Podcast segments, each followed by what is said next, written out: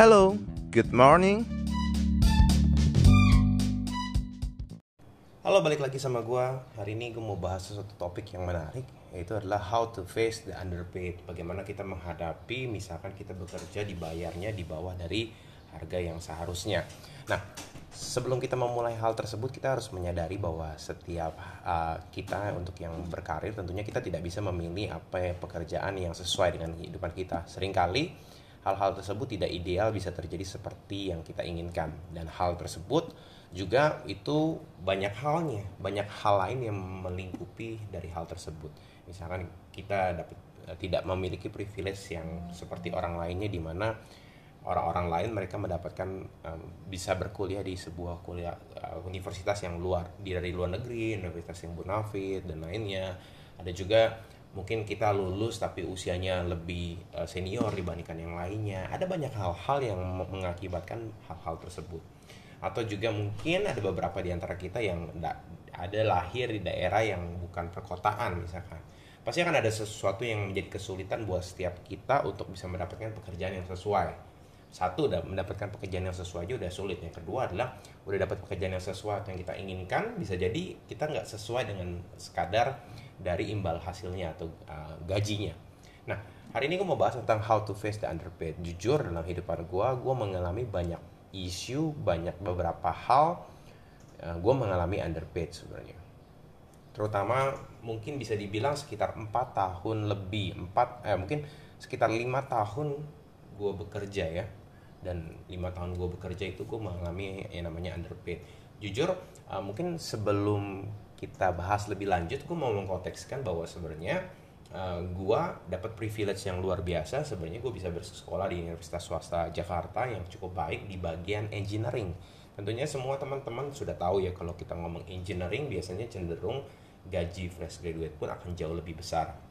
Setidaknya nggak bukan jauh ya tetapi setidaknya lebih besar dibandingkan rata-rata pada umumnya karena memang orang-orang yang masuk engineering dan berhasil lulus itu biasanya mereka punya uh, kerja keras yang lebih. Eh, bukan bukan berarti yang lainnya tidak bekerja keras dan lebih tetapi memang ada di dalam pasar seperti itu. Karena memang keahlian dari engineering ini nggak banyak semua orang yang memiliki. Bahkan semakin lama juga semakin sedikit peminatnya padahal kebutuhannya sangat besar. Nah engineering ini jadi ketika gue mau bekerja pun gue mengambil keputusan gue tidak mau bekerja di tempat di bagian engineering perusahaan company yang bicara tentang engineering ya. Karena memang gue merasa bahwa passion gue atau yang gue suka bukan di situ. Dan kalaupun gue di situ kayaknya gue nggak akan nyaman dalam bekerja. Buat apa gue bekerja menghasilkan uang tapi gue nggak nyaman dalam hidup gue gitu. Jadi gue mencoba untuk mencoba mencari tempat yang lain.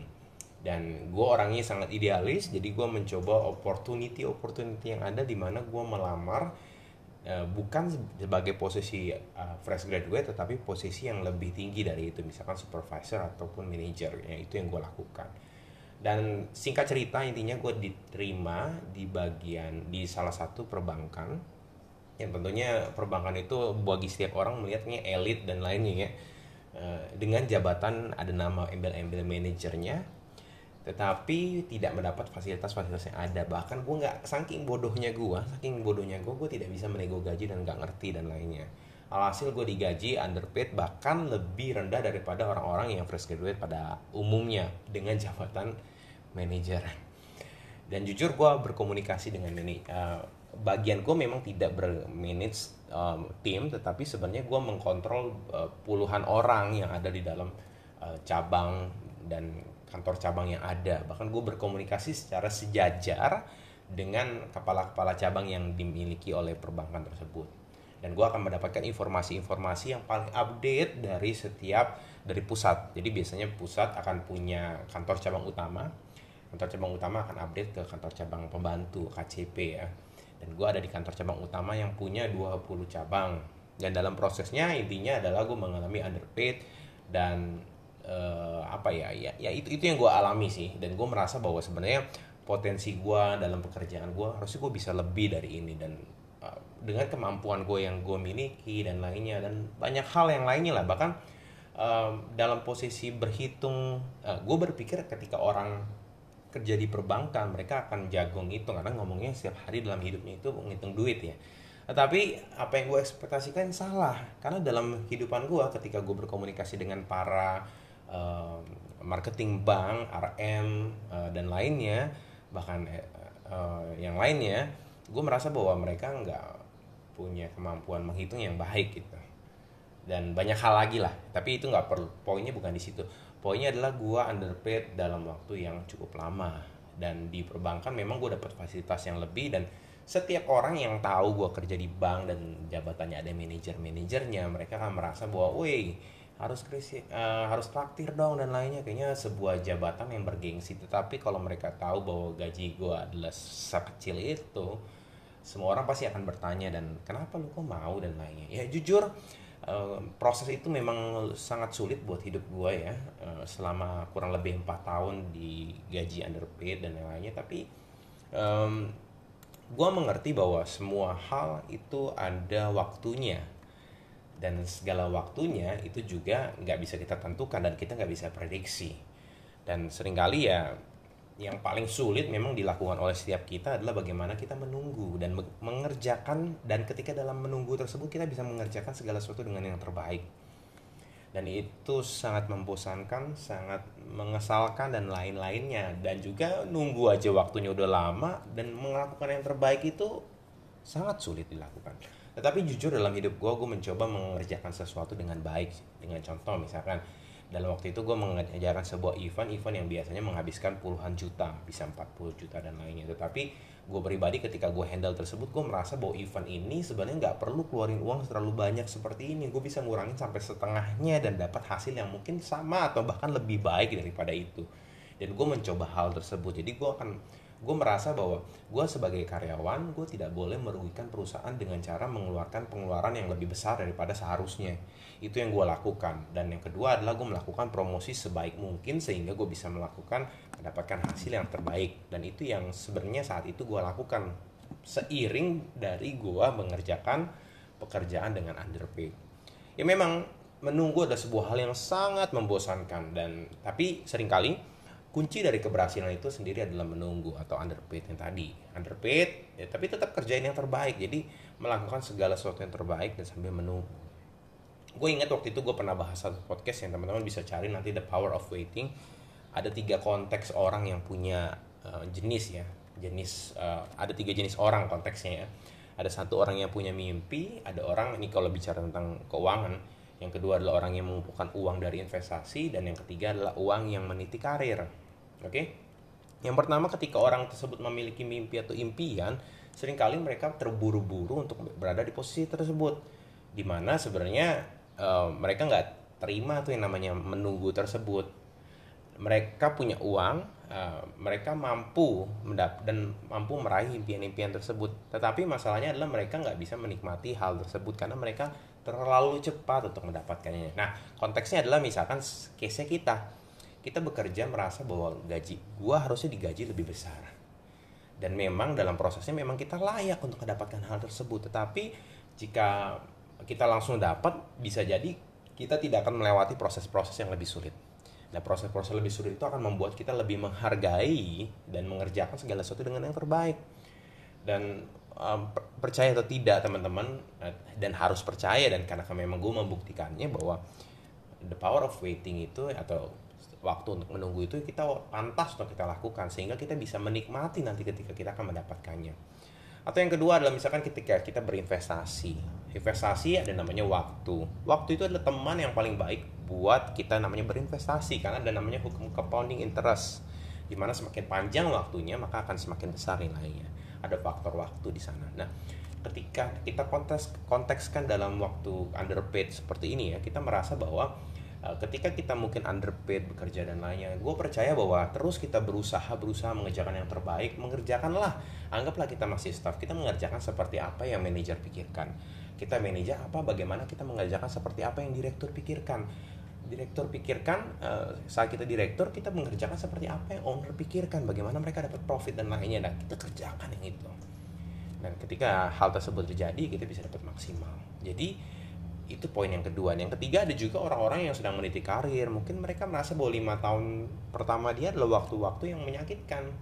Ada yang merasa karir mereka jalan di tempat ada yang merasa begitu-gitu saja. Padahal temennya terus meningkat terus penghasilannya dan jabatannya makin tinggi.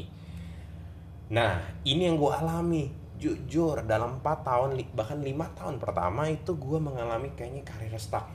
Waduh gue udah kayaknya udah startnya gue udah bener nih tapi kok salah? Kok kayaknya ada yang salah? Kenapa dan lainnya? Kan karir gue jalan di tempat gue pindah-pindah ke tempat yang lain nggak bisa diterima karena gue pribadi nggak mau ada di perbankan lagi gitu. Nggak bisa dan lainnya. Padahal gue melihat teman-teman gue wah udah berubah wah udah hebat wah dan hebat dan lain-lainnya. Nah, tapi ya kembali lagi kalau kita fokusnya cuma kepada apa yang kita tidak miliki maka kita tidak pernah akan menikmati apa yang saat ini kita miliki. Jadi dan percayalah bahwa seiring berjalannya waktu kalau memang kita emas, emang kita berlian, dan kita terus memancarkan cahaya kita dan meskipun kita ditaruh di tempat yang buruk di tempat sampah sekalipun orang-orang pasti akan menemukannya dan akan membawa kepada tempatnya yang seharusnya. Nah poinnya adalah gini teman-teman. Setiap di antara kita mungkin saat ini kita merasa underpaid saat ini kita merasa kayaknya uh, potensi gue bisa lebih besar dan lainnya memang itu cuma bicara tentang waktu. We, we, we never know gitu ya. Kita nggak pernah tahu ada kesempatan-kesempatan yang akan terjadi dalam kehidupan kita. Tetapi yang harus kita lakukan adalah di mana pun kita berada kita harus menikmati hal tersebut. Mulai bersyukur dengan apa yang kita miliki saat ini. Ada banyak orang yang nggak bisa bekerja kita bisa bekerja. Ada orang yang tidak mampu atau mungkin bekerja di, digaji bahkan lebih parah daripada kita. Kita digaji yang cukup baik lah meskipun secara hitungan kita underpaid. Dan jangan terlalu fokus dengan apa yang orang lain miliki. Nggak usah pusingin waktu menunggu, kerjain aja yang terbaik, do your best, do your uh, apa yang harus kamu lakukan, kerjain aja. Kalau memang kamu harus mencoba melamar ke tempat yang lain, do it. Satu tahun nggak dapat, it's okay, do it again. Dua tahun, tiga tahun, mungkin nanti di tahun keempat atau tahun kelima atau tahun keenam kita bisa dapat sesuatu yang kita inginkan. Memang ada waktunya yang namanya menunggu ada senjata yang luar biasa yang kita miliki adalah menunggu sesuatu yang paling kita remehkan tetapi itu yang paling kuat. Apalagi kalau misalkan teman-teman saat ini kita masih dalam usia yang muda kita punya senjata yang paling kuat muka bumi ini. The power of time. Nah saat kita menunggu ya tetap sama yang seperti tadi gue bilang lakukan yang terbaik fokuskan diri kita ke hal yang lain. Kalau memang kita mau berganti industri ya belajar terus di industri yang lain itu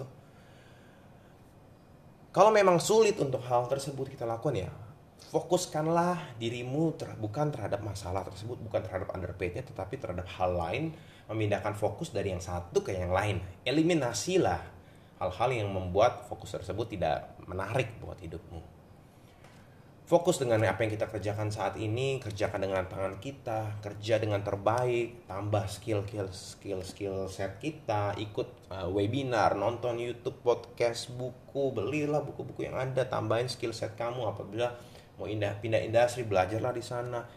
Percayalah bahwa ilmu bukan juga um, ilmu tuh kayak uang. Uang itu bisa compounding ilmu juga bisa compounding. Yang kedua adalah kerjain segala sesuatu dengan yang terbaik sesuai dengan tujuan kita. Gue percaya bahwa waktu yang kalian lakukan atau yang sedang kita lakukan itu tidak akan ada sia-sianya. Dan jujur eh, ketika gue mulai refleksi balik ya gue merasa bahwa memang empat tahun itu memang dipersiapkan untuk belajar dapat core core pembelajaran yang sangat luar biasa untuk gue bisa melangkah dan melesat lebih lagi. Jadi kalau misalkan kita mau melakukan sesuatu do your best kerjakan sesuatu yang kau terbaik uh, punya mental positif sikap yang positif nanti kita bisa akan dapat sesuatu yang luar biasa. Percayalah. Oke? Okay? see you and God bless you. Bye bye